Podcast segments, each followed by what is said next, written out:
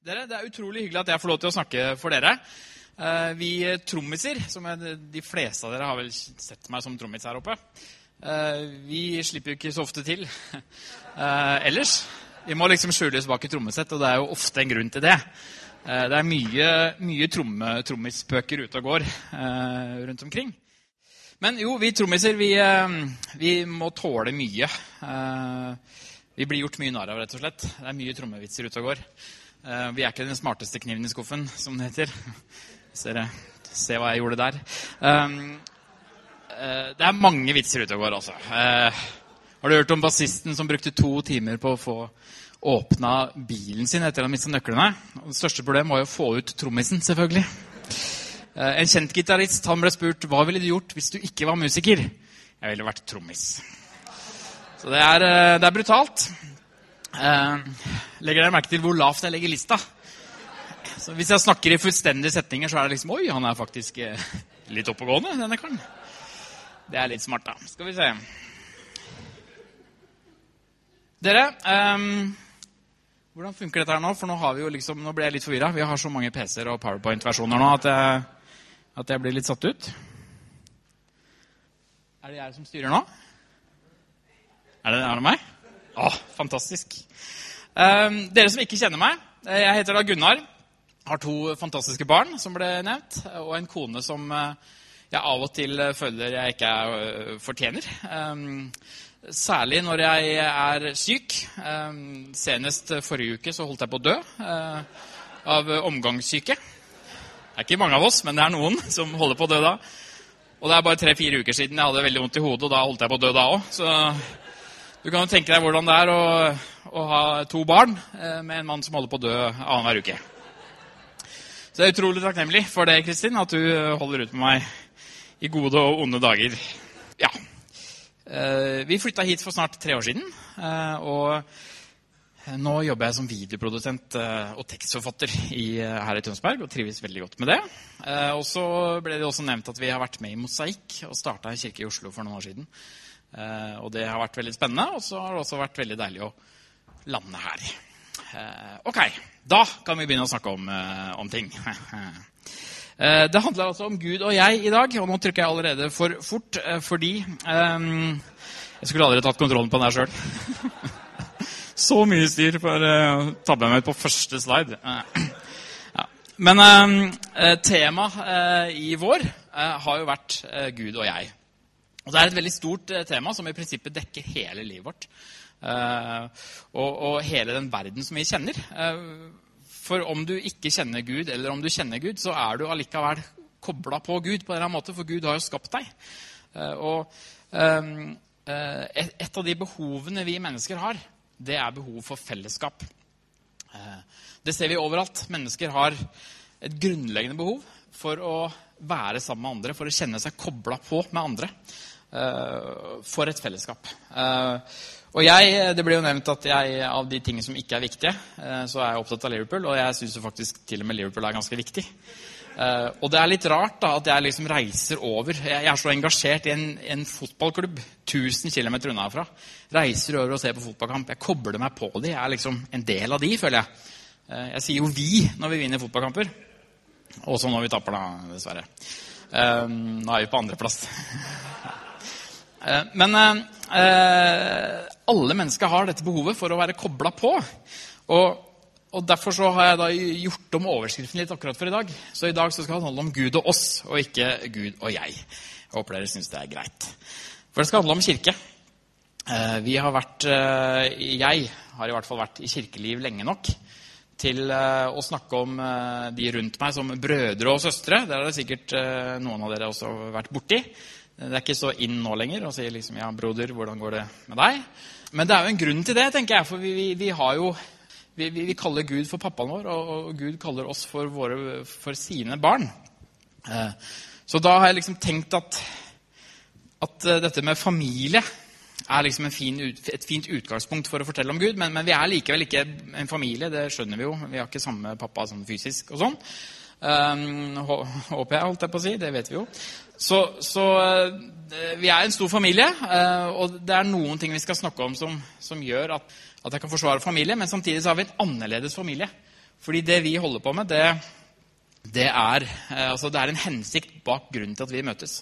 Det er ikke alle familier som, som har det liksom som en sånn veldig Vi har en we run a mission. Det er ikke så mange familier som har det trekket der, da. Ok, går det fint? Litt vann, er det lov? Så ble jeg spurt om jeg ville sånn bøylemikk, og det tenkte jeg nei, det gidder jeg ikke. Men jeg ser jo at det hadde vært litt praktisk eh, av og til, da. Ok. Eh, selv de beste familiene eh, Nå hoppa jeg litt for langt. Beklager. Jeg skal hoppe litt tilbake igjen. Jeg tror det går fint for dere, og bare jeg som ikke merka det. eller som det. Um, det jeg har tenkt å snakke om, er den perfekte kirka. Eh, og vi vet jo eh, at det er vanskelig å få til en perfekt kirke fordi vi faktisk er med i kirka. Eh, det er sikkert mange som har hørt før også, at vi har en tendens, vi mennesker, til å prege den kirka vi er i. Jeg vet ikke om det er noe som I hvert fall vi trommiser, da. Vi, vi, har tenkt på det i det siste. Og det er lov å drømme allikevel om en perfekt kirke. Det er lov å drømme om en kirke som forteller andre mennesker som ikke kjenner Gud, om eh, hvordan det her henger sammen. Eh, så eh, det jeg tenkte jeg skulle lese litt om, er eh, fra salmene. Som, som, forteller om hvor, hvor, viktig det er å ha et hus, da, et hjem. Spurven har jo funnet seg et hus, og svalen et rede hvor den har lagt sine unger. Dine alterherrer, herskarenes Gud, min konge og min Gud. Salige er de som bor i ditt hus, de skal stadig love deg. Så det å lande i et hus, det å føle seg hjemme, føle seg trygg, være til stede, bli sett, bli hørt, det er utrolig viktig for oss mennesker. Eh, men selv de beste familier kan være litt uheldige gang, eh, en gang iblant når de blir tatt bilde av. Eh, I utgangspunktet kunne dette her gått kjempefint, men var, et par av de var litt uheldige. Og hvis vi skal være helt ærlige med oss sjøl, så er det nok noen eh, som ser oss eh, som kirke bare et brøkdel av sekund, kanskje, som, som, da av og til får et litt rart bilde av oss. Disse her er jo i utgangspunktet kledd for å ha det gøy, men det er vel noe som tyder på at de ikke er helt fornøyde med situasjonen. Dette er da hentet fra uh, awkwardfamilyphotos.com, hvis dere er usikre på om jeg liksom Det er ikke mine private familiebilder, og det er også lov å bruke dem, fordi disse, disse menneskene har sendt inn selv da, som en slags selvironisk gest. Så det kan liksom slappe av. Forresten er denne talen sponset av Family Photos. Uh, dere kommer kanskje til å merke det i løpet av talen. Um, men opp gjennom, opp gjennom, kristenheten så har vi stått for mye rart. Det er det bare å innse. Historien vår er full av vonde glimt, vonde bilder. Det er det bare å, å, å måtte ta inn over seg. vi har kristningen av Norge, vi har korstogene. Eh, det er mange mennesker som påstår å gjøre ting i Guds navn. Som gir folk bilder av hvordan det er å være en kristen, hvordan det er å forsøke å følge Jesus. Eh, og til og med eh, har jeg av og til, utro det eller ei, faktisk også lagd sånne bilder som ikke riktig fremstiller hva dette her skal handle om. Jeg har vokst opp i Trysil, kommer fra Trysil. Eh, og, og, møtte Gud ganske tidlig i livet mitt. Eh, på en veldig sterk måte. og Jeg vokste opp på 90-tallet, og da var det mye Gud. Liksom, han var veldig fysisk til stede på møter og sånn. Og jeg var veldig frimodig og dro med meg mine, mine, venner som ikke kjente han i det hele tatt. Eh, de har vært med på mye rart, stakkars. Et møte husker jeg veldig godt, fordi jeg vet ikke om dere, altså Toronto-vekkelsen var liksom på full fart inn da jeg møtte Jesus. Og da på et møte så begynte låret mitt å riste. Sånn fysisk rista noe så innmari. Eh, og jeg satt ved siden av en kar som da ikke eh, var vant til å gå i kirke. Så jeg følte liksom at nå, nå This is my moment, på en måte. Se her. Låret mitt rister. Gud er god. Jeg tror ikke han har fulgt eh, Jesus, eh, begynt å følge Jesus ennå. og Akkurat det øyeblikket så kjente jeg når jeg liksom ser tilbake, så tok han nok et bilde av meg. sånn awkward family photo. Nummer unna å ringe sinnssykehuset, liksom. Eh, så, så, hvis vi ser tilbake på livet vårt, så har vi nok kanskje ikke alltid klart å liksom formidle Gud som den guden som faktisk ønsker å koble seg på mennesker og, og være til stede for folk. da. Jeg skal få slippe å se på det bildet lenger, egentlig. Drømmer seg bort dit i stedet. Skulle ønske jeg hadde vært med de. Det var mye morsommere. Uh, ok. Um, vi skal bruke familiemetaforen gjennom den uh, praten jeg har nå.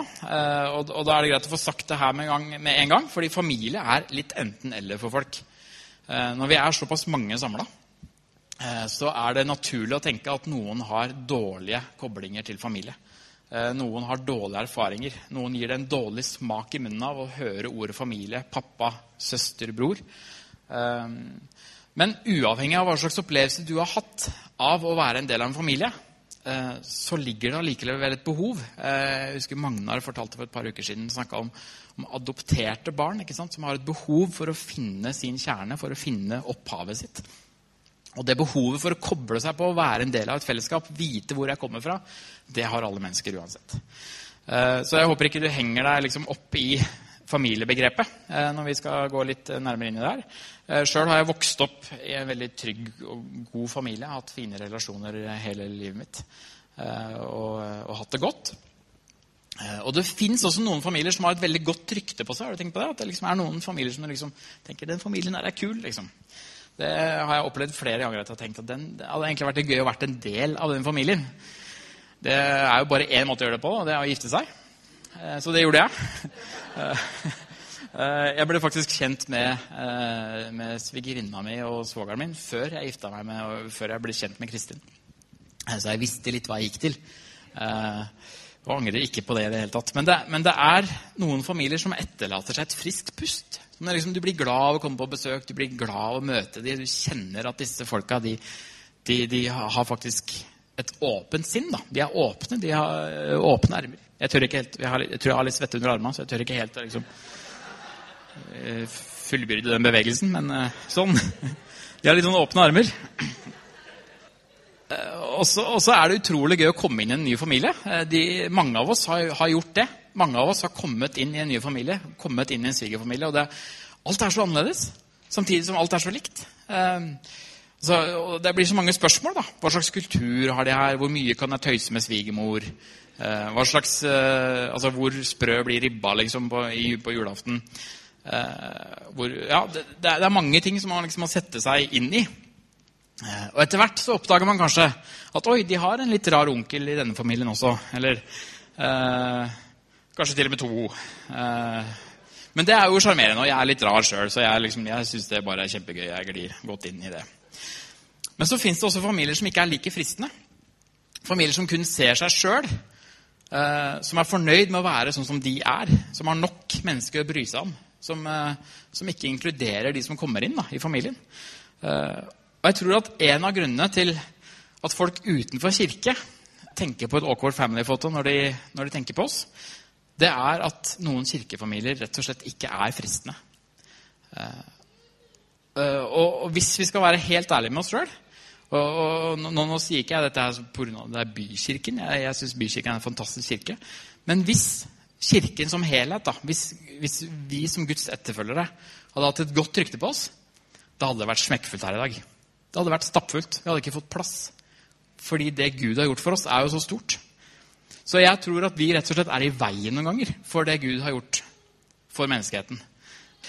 Og da er det litt smart tenker jeg, å se på hvordan de første kristne gjorde det. De som virkelig fulgte Jesus eh, fra starten av. Syns dere det er smart? Ja. Takk for det. Ok. Um, jeg glemte å vise dere um, dette bildet her av den perfekte familien som det er gøy å bli en del av. Så da har jeg gjort det. Ok. Um, vi skal uh, lese fra Apostelens gjerninger 2, uh, vers 42-47. Uh, de holdt seg trofast til apostlenes lære og fellesskapet, til brødsbrytelsen og bønnene. Hver og en ble grepet av ærefrykt, og mange under og tegn ble gjort av apostlene. Alle de troende holdt sammen og hadde alt felles. De solgte eiendommene sine og, de, og, det de ellers eide, og delte ut til alle ettersom hver enkelt trengte det. Hver dag holdt de trofast sammen på tempelplassen, og i hjemmene brøt de brødet og spiste sammen med oppriktig og hjertelig glede. De sang og lovpriste Gud og var godt likt i hele folket.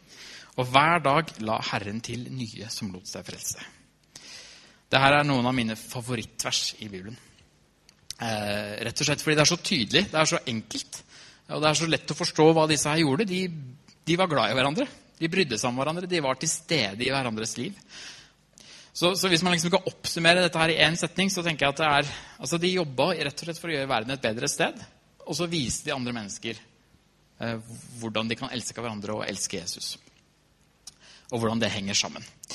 Så vi skal se litt på, på hvordan en innbydende familie funker. Um, Trofasthet ble nevnt to ganger i løpet av de fem versene her. Eh, det å være lojal, det å være til stede, det er selve utgangspunktet for å ha en familie som funker.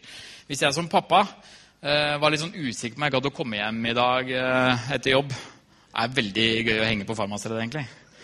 Og så er det jo bare to dager til Liverpool-kamp. Jeg kan kanskje dra dit en tur. Altså Hvis folk er usikre, hvis, hvis, hvis min kone og mine barn liksom ikke vet om pappa kommer hjem, da er det faktisk en utfordring for å få en familie til å henge sammen. Så det å møte opp bare det å møte opp er et viktig poeng i, i en kirke. Enkelt og greit. Det er faktisk et helt grunnleggende element. Eh, og så eh, handler det også litt om hva man gjør når man da faktisk møter opp. Eh, det å gi sin tid, gi av sine ressurser, gi av sine penger for at denne familien skal være til velsignelse for mennesker som ikke har møtt Gud ennå, det er så viktig. Disse folka de solgte eiendommene sine. Hadde alt felles. Det er ikke sikkert vi skal gå helt dit i 2014. Eh, det er noen sånne andre kirker, kirker tror jeg vi må bruke da, eh, som har prøvd seg på det. Uh, uten at det er gått så bra. Så hvis Einar og Bent Ove og Stian og sånn begynner å gå i sånne hvite dresser og oppfordrer til å selge huset ditt og flytte inn hit, så ville jeg liksom vurdert å tenke meg litt om. men, men konseptet med å faktisk dele livet sine. For det er det de gjør. Det er det, det er det, denne kulturen handler om. De deler av livet sitt. De er ærlige, til stede i hverandres liv og bryr seg om de menneskene som er rundt seg. Det synes. Det er tydelig for mennesker som kommer inn her, om folka bryr seg om de som kommer inn. Um, og det uh, har jeg følt uh, fra det øyeblikket vi kom inn her, at vi har blitt sett uh, av alle dere. Eh, mange som har kommet i kontakt med oss. og Vi har vært på middager her og der. Og utrolig god egenskap i en kirke. En helt grunnleggende egenskap for å få en, eh, en kirke til å funke. Ja. Ok. Sjenerøsitet eh, var de opptatt av. Det er ganske obvious når de selger tingene sine for å gi til, til fattige. Men, men, jeg tenker også på det å være sjenerøs på livet sitt. Det å åpne og dele livet sitt er utrolig viktig. Eh, og vi, vi var en ganske liten menighet i Oslo. Eh, og som eh, jeg nevnte, så dør jeg annenhver uke. tror jeg i hvert fall. Så, så, jeg var litt syk også i Oslo til og med en gang. Og da var også Kristin gravid. Så, så, det var liksom, og Vi hadde et barn fra før, og vi var, litt, vi var ganske medtatt, rett og slett. Og var veldig slitne. Og da var det et par i kirka som jeg gikk i da i Oslo, som sa du, vi kommer hjem til dere en tur. Vasker huset deres. Jeg tror de lagde middag også, gjorde de ikke? Jeg tror kanskje de pussa badet òg før de dro hjem. Eh, sånn, sånne historier bygger gjerne litt på seg. Men, men, men, det var både litt sårt for oss å se at vennene våre faktisk rydda opp hjemme hos oss. Men det var også fantastisk å ha sånne venner som, som bryr seg om oss, som vil at de skal ha det bra. Det, jeg blir fortsatt litt rørt når jeg liksom tar tid til å tenke på sånt. Utrolig viktig. Utrolig deilig. Det er det fellesskap handler om, å være der for hverandre. Um, ja, fantastisk. Ydmykende, men fantastisk. Uh, som kirke så gjorde vi også en annen ting som, uh, som Det var for så vidt ikke så sjenerøst i forhold til uh, hvor mye ressurser vi putta inn, men, men, i Oslo så hvert eneste år så har de noe som heter Elvelangs. Der, der, det er kommunen som arrangerer det. Så da går man liksom fra toppen av Akerselva. Bare se om det var noe svette der. Tror det går fint. Eh, toppen av Akerselva, og så går man liksom helt ned til Tøyen. Og på, i løpet av den, Dette er på høsten, eh, og, og, på denne turen så kan du oppleve masse forskjellige kulturelle innslag. Det er noen som driver med flammekasting. Flammesluking. Eh, ikke flammekasting, kanskje. Gå går forbi flammekastere der og så. Nei. Men, men, men, eh, et kor synger. ikke sant? Mange sånne ting som du får oppleve da, på den turen. Og så spurte vi kommunen kan vi få lov til å bidra med noe som kirke. Vi har lyst til å sette opp et lite telt og så dele ut kakao til folk. Er det lov, liksom? Ja, det kunne vi få lov til. Det var koselig. Men vi fikk ikke lov til å bruke engangskopper, så vi måtte ha, vi måtte ha sånne ordentlige kopper. Eh, Så vi kjøpte 100 kopper eller noe sånt og satte i gang. Og så var det jo fryktelig mye folk. Det var, eh, Jeg tror det er 20 000 eller noe sånt som går ned der. Så vi merka etter hvert at 15 mennesker eh, og 100 sånne kopper som vi måtte dra og vaske, eh, det kunne bli litt intenst. da. Men det er også en av de mest velsigna og fantastiske kveldene jeg har hatt. Der vi, det eneste vi gjorde, var å dele ut kakao til folk. Eh, Og en del spurte hva er dette her for noe. eh, og sånn. Men, men, men målet vårt var ikke å liksom med en gang bruke en anledning til å snakke om Gud. Målet vårt var å være til stede for folk. Åpne opp eh, kirka vår. Være der mennesker er. Kjempeopplevelse. Kjempeopplevelse. Dette med ubetinga kjærlighet. En innbydende familie er rett og slett kjærlighet. Noen mennesker de elsker man uavhengig eh, av hva de gjør eller ikke gjør. Sånn er, sånn er det. Det valget tok jeg da jeg, jeg gifta meg med Kristin. Eh, Og med barna mine så var det egentlig ikke noe valg engang. Det, det, det bare er sånn. Eh, Og man tenker liksom at Når man har fått ett barn, så tenker man at den ubetinga kjærligheten den, Det går jo ikke an å bli mer glad i et barn. Hvordan skal det bli når jeg får to barn? Men så får du plutselig dobbelt så mye kjærlighet. For du har jo akkurat like mye kjærlighet til barn nummer to. Eh, Og den type kjærligheten har Gud til oss. Og den type kjærligheten ønsker han at vi skal ha til hverandre. Til vi som går i familien her, og til de som kommer på besøk til vår familie. Uh, ja. Når mennesker føler seg trygge uh, og har tilhørighet et sted, så tør de også være seg sjøl. Uh, hvis du er utrygg på deg sjøl, da knyter du deg. ikke sant? Da har du ikke lyst til å by deg på litt. Men hvis du er trygg på at i denne settingen kan jeg faktisk få lov til å være meg sjøl, jeg kan være ærlig, jeg kan være åpen, jeg kan by på det jeg har, da skjer det noe i et samfunn. Eh, og den tilhørigheten der, den er så viktig. Eh, den tryggheten i, i på, å, å være på riktig sted. Eh, ja, nå har jeg skrevet noe så bra at du må gjerne sitere meg på det. det jeg skal si nå. Litt sånn fleipete sagt, da. Men jeg tror en av årsakene til at Gud ønsker at vi skal være en åndelig familie, eh, det er vel at vi skal føle nettopp trygghet og ha et hjem. Eh, Men ikke stoppe der. Men det skal være grunnlaget for at vi faktisk kan utøve litt risiko i livet våre. At vi faktisk kan eh, prøve oss på ting som er skummelt for oss. Fordi vi har en base der vi er trygge, der vi er elska, der vi vet at vi kan være hjemme. Og ut fra det så kan man prøve seg på nye ting. Og, og det- er det man må gjøre for å nå mennesker som ikke tror i dag. Eh, For det fins noen forventninger og forpliktelser når man kommer inn i en ny familie. Eh, Det fins faktisk noen sånne ting man bør eh, ta hensyn til. Hvis man har prøvd seg å komme inn i en ny svigerfamilie, så, så er det jo sånn at man da gjerne gasser på litt ekstra. Jeg husker vel for å være helt ærlig, at jeg tok oppvasken et par ekstra ganger akkurat da jeg kom inn i familien. I forhold til det jeg gjør nå. Det må jeg være helt ærlig på. At du har liksom lyst til å vise deg fram litt da, som en som en ålreit kar. Eh, Så, så, så eh, Jeg husker ikke helt sammenhengen. Vi går bare videre. Men eh, ok. Det vi skal gjøre, er at vi skal se litt på, på de forskjellige rollene som fins i en menighet. Eh, og disse versene er kjent eh, for mange som har vært vært borti kirke før. Eh, det er henta fra eh, andre korinterbrev, eh, kapittel 12, eh, første korinterbrev, kapittel 12, vers eh, 12-21. Slik kroppen er én, selv om den har mange lemmer, og alle lemmene utgjør én kropp, enda de er mange. Slik er det også med Kristus.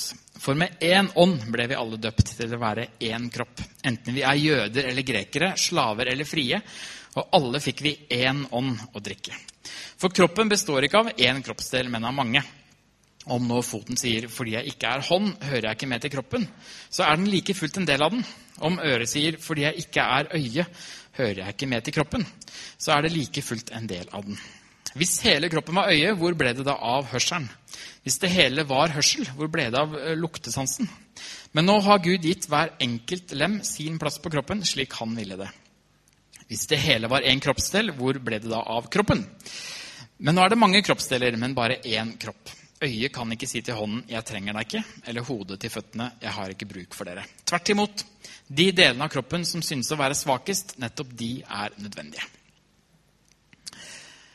Eh, disse versene har ofte blitt brukt om å verdsette hverandres gaver og talenter i en kirke, eh, og at vi trenger all mulig hjelp i kirka til å få dette her til å funke. Eh, og det er jo ikke så rart, for det er jo det Paulus skriver om. Så det er, rart, det er liksom den sammenhengen man snakker om. Så det er liksom Det, det, det skal jeg la ligge litt. Men, men, noe av det disse versene sier meg, er at vi er faktisk forskjellige som mennesker. Vi er unike som mennesker. Og Eh, kanskje flere enn meg har hørt sloganet 'Kom som du er, og bli som oss'. Eh, det har jeg i hvert fall hørt i kirkesammenheng før. Men det som skjer da, er at da blir vi jo seende sånn ut. Og du ser at han pappaen han skjønner at han er blitt lurt. Han liksom kom på det rett før de tok bildet. Oi, kanskje ikke det var så lurt å stille opp i grønn Sånn grønn krage og blomstrete, blomstrete skjorte. Disse folka De er på en måte ett, kan du si. Det er veldig morsomt, dette her. Vi tar ett bilde til. Jeg vet ikke om eh, flere enn meg tenker at det å være uniform kanskje ikke er det unike når man skal liksom Hvis man har lyst til å være seg sjøl, så er det noen sånne småting som, eh, som uh, bør være på plass. Uh, vi skal ikke være en uniform enhet. Én en enhet har jeg ikke noe tro på. At vi liksom er helt like. Det er jo ikke Gud i det hele tatt. Så vi skal ikke være uniform, vi skal være unik.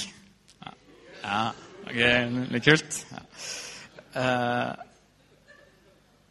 det må være rom for at vi er forskjellige i kirka. Og det må være respekt for at vi har forskjellige roller. Og så må det være respekt for at vi har forskjellige sesonger i livet vårt. forskjellige årstider. Eh, I deler av livet er det helt ok å komme til en kirke og bare være der. Få det man trenger for å, for å få hverdagen til å funke. Få det man trenger eh, for å liksom holde hodet over vannet. Eh, og Vi har sjøl vært i en periode etter at vi var med i Oslo og, og var med i kirke, og sånn, så var vi slitne av kirke. Vi trengte å liksom puste litt. Og det syns jeg er helt greit. Det er helt ok. Um, og, og, det å liksom merke at andre betyr, bryr seg om oss, det er helt fantastisk. Og det er det som liksom er en selvfølge i kirke. Uh, men vi trenger hverandre. Vi trenger talenter, kreativitet, varme, opplevelser, perspektiver som alle her har i seg. Det trengs for å formidle Gud. Fordi jeg er ikke stor nok til å formidle Gud. Gud er så stor at mine ord klarer ikke å forklare ham. Men jeg trenger hjelp av alle. Så jeg trenger at mine venner som ikke har møtt Gud ennå, som jeg prøver å fortelle om Gud, de må også møte deg. De må møte kirka vår for å få et annet perspektiv. Det er eh, Sånn er det bare, mener jeg, da. Gud er så stor at jeg klarer ikke å romme alt det han er for oss. Eh, og da trenger vi hverandre. For det fins en hensikt, det fins en grunn til at vi er, eh, er kirke. Eh, og, og vi, har, vi, har, et mål, vi har et misjon, vi har et oppdrag. Det er hele grunnen til at vi eksisterer. Dette var liksom i sånn trosmenighet-tid. Men, men, en av de talerne jeg hørte på på 90-tallet, han, han, sa det at hvis, vi, hvis, vi hadde, hvis, målet vårt bare var med å, å møte Jesus og bli frelst, så kunne vi jo bare forsvinne til himmelen med en gang. Fordi det er jo bedre i himmelen. i hvert fall Vi som tror på en himmel, tror at det er bedre der enn på jorda. Selv om det er fantastisk å være på jorda. Åh, jeg er glad for det, altså. Eh, men, men faktisk hadde, hadde, livet vært sånn at det bare var meningen at vi skulle bli frelst, og så forsvinne, så hadde det vært sånn Gud hadde lagt opp. Men meningen at vi skal funke her på jorda. Vi skal gjøre jorda til et bedre sted. Og mennesker som ikke tror på han, skal bli kjent med han. Det er hele grunnen til at vi er samla her i dag. Eh, og eh, hvis vi ser tilbake på, på de første kristne som, der, der, det står bl.a. at hver dag la Herren til nye som lot seg frelse. Det sto faktisk ikke i hver søndag. Eh, kirke er ikke bare på søndager. Kirke er hver dag. De første kristne de møttes hver dag. Dette var så en naturlig del av livet deres. Det var ikke noe de liksom gjorde ved siden av, men det var helt naturlig. Vi møtes. Vi er en del av hverandres liv. Også en annen ting som, som, er veldig godt å vite i alt dette her, det er at det er faktisk Gud som tar seg av dette med frelse. Vår jobb det er å få til en velfungerende familie. Vår jobb er å få til en familie som har Jesus i sentrum, og som bryr seg om alle mennesker. Eh, så skader det selvfølgelig ikke om det blir noen helbredelser her og der eh, i tillegg, for å vise at Gud er til stede. Eh, men når vi har en kultur som, som inkluderer, som deler, som står sammen, som viser ekte kjærlighet til hverandre og til Gud, da blir vi faktisk godt likt. Folk vil komme da, og folk vil møte Gud. Men når vi er i et oppdrag og har en hensikt, og liksom det er dette vi skal gjøre, så må vi passe på en ting. Uh, å, du skal henge deg opp nå, ja. Der. Vi må passe på en ting, og det er at vi ikke skyter ned folk. Disse har også en slags mission. kan det virke som, i hvert fall. Han gutten er heldigvis mest usikker av dem alle. Men når vi har et oppdrag, så, så er ikke det å skyte mennesker. Eh, det er å være der for folk. Det er å være en del av livet deres. Det er å, å bruke sitt eget liv til å vise mennesker at Jesus er faktisk veien. Jeg skal få slippe å se på det bildet nå lenger også. Eh, jeg har tenkt å, å utfordre to typer folk her i dag. Kanskje du er her i dag og ikke har vært en del av en åndelig familie. Eh, kanskje du eh, aldri har vært her før. Jeg kjenner ikke alle nå, så jeg kan liksom ikke si det. Eh, hvis du kommer her så, som første gang, så ønsker jeg deg velkommen i vår familie. Eh, jeg håper at du vil trives. Jeg håper du kan føle fort at du kan være deg sjøl. Du trenger ikke tro det samme som meg for å være en del av oss. Eh, det trenger du ikke, men vi har lyst til at du skal få se hvem Gud er. Eh, og det er helt åpent. Det er det vi ønsker. At mennesker skal få møte Gud. Men jeg håper du uansett vil føle deg sett her, inkludert eh, om, og, og rett og slett. Så hvis du har lyst til det, så, så kan du få lov til å komme ned her etterpå og snakke med, med, noen av oss. Det kommer til å være noen folk som står her nede. Kan forresten få opp lovsangstimen. Jeg er ikke så vant til sånt. jeg. Kan lovsangstimen komme opp? Eh, jeg er egentlig vant til å komme opp sjøl, da. Eh, kanskje derfor. Men hvis du blir en del av familien vår, så har vi lyst til at du skal være med å gjøre verden til et bedre sted. Og så er jeg ganske sikker på at du kommer til å merke at Gud er en del av den pakka. Gud er, har en plan om å gjøre verden til et bedre sted enn den er i dag. Den andre utfordringen jeg har lyst til å gi, det er kanskje, kanskje du har blitt den onkelen som alltid sitter litt sånn eh, i hjørnet når det er familieselskaper. Du, du kommer, men du, du, bare møter opp. Jeg har så lyst til at du skal komme og være deg sjøl. At du skal føle at her kan du være deg sjøl. Her kan du være trygg. Her kan du få utvikle deg. Her kan du få merke at folk er glad i deg uansett. Og her har du noe å bidra med. Her er du verdt masse. For oss som allerede tror, og for, oss, for de som ikke har fått se Gud ennå, så er du avgjørende for å gjøre livet bedre til andre.